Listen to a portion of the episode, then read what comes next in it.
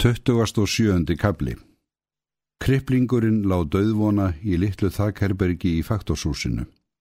Hann hafði neitað að láta flytja sig heim til foreldra sinna, vildi vera þar sem hann var. Læknirinn var sóttur, hann let sjúklingin fá einhverja drópa en hristi höfiðið þegar faktorinn spurðum álit hans. Engin von, tautaði hann. Hann lifir ekki sumarið af.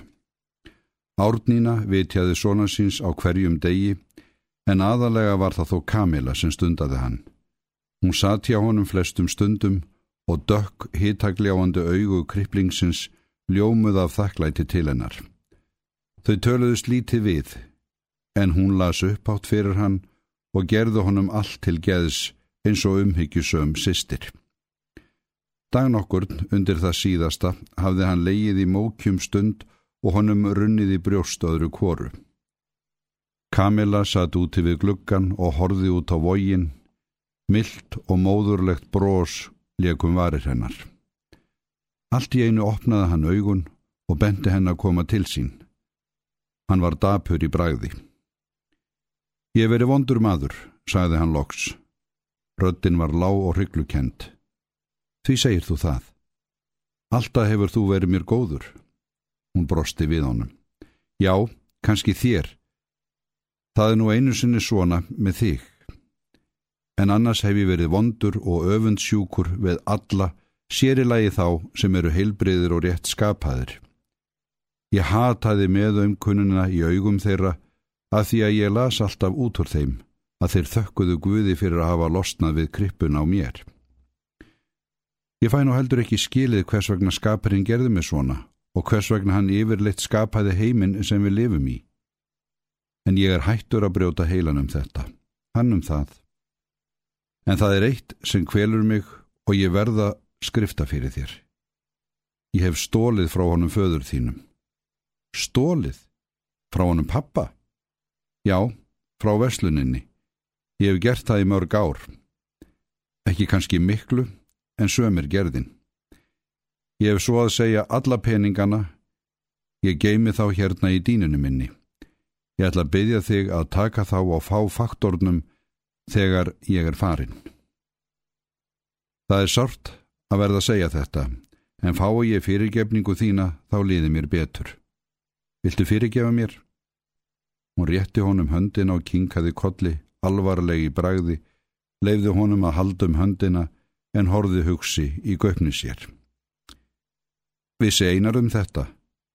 spurði hún með hægð. Einar? Endur tók hann kvíslandi. Já, hann hefur þó vænt ég ekki.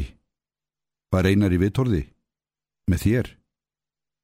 Kriplingurinn átti andartaki baráttu við sjálfan sig. Það var þá einar sem hún elskaði.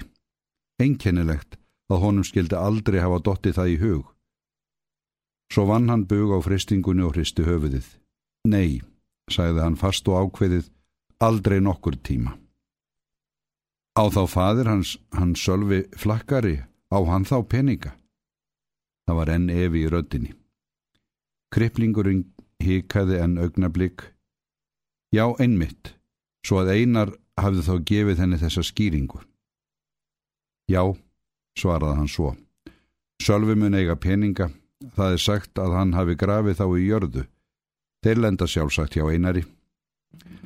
Ætlar það fyrirgefa mér, spurði hann skömmu síðar veikri röddu. Nú finnst þér víst að ég sé kvíkindi. Nei, góði besti, öðru nær. Mér þykir væntum að þú sagði mér þetta. Mér hefur alltaf verið svo hlýtt til þín. Þú hefur alltaf verið mér eins og góður bróðir. Eins og bróðir, endur tók kriplingurinn með sjálfum sér og lokaði augunum. Svo var tíðin að hann dreymdi það að kona elskaði hann, nú var sá draumur falin mótlæti liðina daga, sem kom honum ekki við lengur og myndi aldrei framar særa og hrella viðkvæma sálhans. Og loksins öfðu forlaugin reynst honum miskunnsum og uppfyllt á hinst óskansa meg að njóta návistar hennar unsi yfir lauk. Nokkrum dögum síðar var kriplingurinn liði lík. 28. kabli Kamila Samuelsen fór til Danmerkur um haustið. Hún átt að stunda nám í húsmaður á skólum veturinn. Síðast í oktober var katanisfólkinu bóðið í brúðkaupsveislu. Gunna ætlaði að gifta sig í höfustaðnum. Haldur hefði gerna vilja fara og sjá dóttur sína, en hann var orðin svo hilsutæpur, hafði vanda fyrir svima, að hann treystist ekki að ferðast fullar tvær dagleiðir svona sent á hösti. En það varð úr að gissur færi og sæti brúðkaupsveisluna. Maður Gunnu var þrítugur guðfræðingur, sonur stór auðugs bónd á Norðurlandi. Hann og Gunna tóku gissur opnum örmum og vildu allt fyrir hann gera. En hann var þögull og hafði sér líkt í frammi, þó að mörgum ekki hugur á að tala við hann þegar þeir heyrðu að hann væri sonur Haldur Spessasonar og hefði verið með honum þegar hann bjargaði englendingunum. Gissur var þingslalegur og styrður í framkomu og ómannblendin. Hann var blátt áfram feimin við sýstur sína sem nú var orðin fullþroska og glæsileg kona og varla þekkjanleg frá því sem áður var. Hann fór strax heim aftur að loknu erindi sínu. Þá þegar var svo orðrómur komin á kreiki sveitinni að faktorsónurinn og ynga í díavög væru farin að draga sér saman. Gissur hafði hýrt þessu flekt eins og aðrir, en það var eitthvað innra með honum sem neytaði að trúa því. Það kom ekki til mála að allt gengi honum í mót og honum fannst að lífið lit að verða svo tilgangslaust án yngu að honum var ómögulegt að trúa því eða skilja það að hún erði frá honum tekin. Hann var einmitt að hugsa um að byggja hennar til að vera vissi sinni sög, en að aðtuguðu máli taldi hann réttast að fresta því til vorsins. Þá var það daginn að hann hitti fríðu í koti. Hann hafði litið inn í díavög og rappað við yngu. Það var langt síðan hann hafði verið í eins góðu skapi, því að nú var hún svo kátt og ræðin, gerbreytt frá því sem áður var, brosti við honum þegar hann kvatti. Hann hitti fríðu á heimleiðinni, þau námu staðar og tóku tal saman. Allt í einu fór hún að gráta. Gissur stóð uppi, ráðalauðs og vissi ekkert hvað hann átti til bræðs að taka. Ekki bætti það heldur úr skák að honum hafði aldrei fallið við fríðu. Þeim hafði löngum verið í nöp hvort við annað frá því í æsku. Það var engu líkar en augnaráð hennar smíi gegnum hann. Hann hafði alltaf eins og á tilfinningunni að hann væri nakin þegar hún horfi á hann. Hvað amar að þér manneskja? spurði hann fremur hörkulega. Hún þerraði af sér tárin og leitt á hann og það var eins og vottaði fyrir hatri í augum hennar. Þú ert asni, tautaði hún, hefur alltaf asni verið, sérð ekkert. Heldur þau kannski ég vit ekki að þú hefur verið að hugsa um hana yngu, en nú ertu búin að láta hann taka hana frá þér, hann vinn þinn. Hann þreif þjettingsfast í handleikin á henni og hristi hana til. Nú gerur þú svo vel og leysi frá skjóðinni, sagði hann og var ófrýtn á svip. Þú heldur þó ekki að ég sé hrætt við þig, Gissur. Ég er ekki hrætt við nokkur skapaðan hlut lengur, mér stendur og samum allt og alla. Mig hefur hann svikið, sýstur þín að dró hann á tálar og nú hefur hann tekið yngu frá þér. Þetta er nú vinur okkar og leikbróður sem við litum öll upp til og dáðum stað.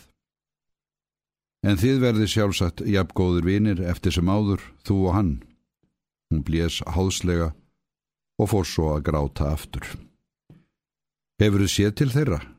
spurði Gissur. Röddin var hjúf og draugsleg. Hún kinkaði bara kolli. Þau voru bæði lögð af stað án þess að vita af því hvort í sín áttina. Það var stillilogn og komu rökkur, en auði jörði byggð. Dimm og þögul hausnóttin færðist yfir vota og skuggsæla jörðina. Orðurómurinn um Ragnar og Ingu varð smám saman að vissu. Ragnar fór ekki neina launkofa með þetta. Hann fór jafnan upp að díavög þegar á daginn leið og var þar fram á kvöld. En kvöld eitt brá honum heldur en ekki brún. Það sem fyrir hann bar rivjaði upp fyrir honum ævintýrin og kynjasögurnar sem hann heyrði í æsku. Það var niðamirkur og ærið framorðið. Hann varð að fara gætilega í krapinu. Þegar hann var komin miðjaleið sá hann allt í einu dökkri veru skjóta upp rétt við götuna. Hún hafði hendurnar, krosslagðar á brjóstinu og mælt ekki orð. Hún var svo byllt við að hann fekk ákafan hjarslátt, en amsamt staðar og ætlaði að aðtúa hvað þetta væri. en það var allt og dimt til þess að hann gæti áttað sig til nokkurar hlítar. Hann sá bara óljósan, dökva, bera við snjóin. Þetta gat verið hvort heldur var karl eða kona. Hann fekk vist hugbóð, hvernig sem á því stóð. Gat þetta verið gissur? Og hvað var hann að gera hér? Hver er þar, kallaðan byrstur? Ekkert svar. Þessi þögula, geimanlega vera bærði ekki á sér. Ragnar var engin raggeitt, en nú var hann svo hrættur að hann fjekk ekki við sig ráðið. Hann fór að dæmi hér hans og hljópins og fætur tóguðu og eftir sér heyrði hann ömurlegan gjallandi hæðnislátur utan úr auðn og myrkri vetranæturinnar.